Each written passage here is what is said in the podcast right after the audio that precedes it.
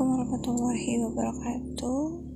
Hari ke-8 di tantangan zona 6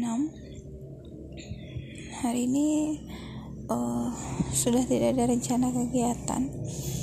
Uh, Tapi tadi Ibu Damar coba untuk mendengarkan uh, Konten video Youtube Tentang fitrah seksualitas anak. Di situ um, menemukan suatu insight bahwa memang untuk usia balita perlu ditanamkan untuk uh,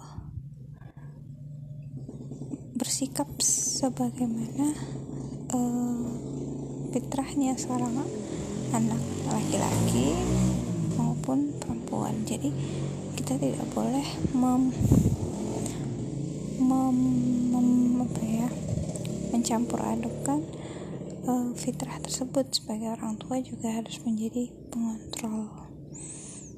Hmm, itu saja. Assalamualaikum warahmatullahi wabarakatuh